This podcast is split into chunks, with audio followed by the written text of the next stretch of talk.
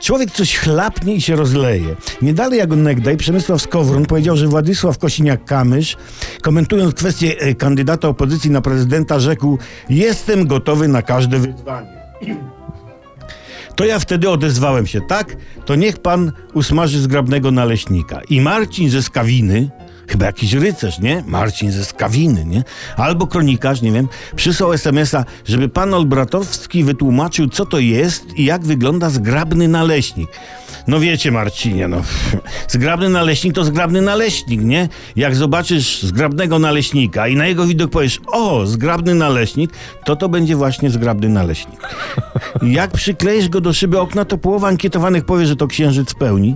Połowa powie, że zgrabny naleśnik na szybie, ale ja jak to go tam przykleił, a ty odpowiadasz z dumą, ja? A reszta nie będzie miała zdania. Będzie to miała w wielkiej pobożności, czyli pod kością pacierzową. Zgrabny naleśnik, natomiast przyklejony do sufitu, budzi podziw.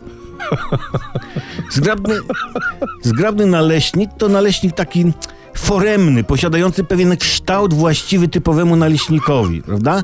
Charakteryzujący się pewną symetrycznością, jeśli w przypadku naleśnika możemy mówić o symetrii, a możemy.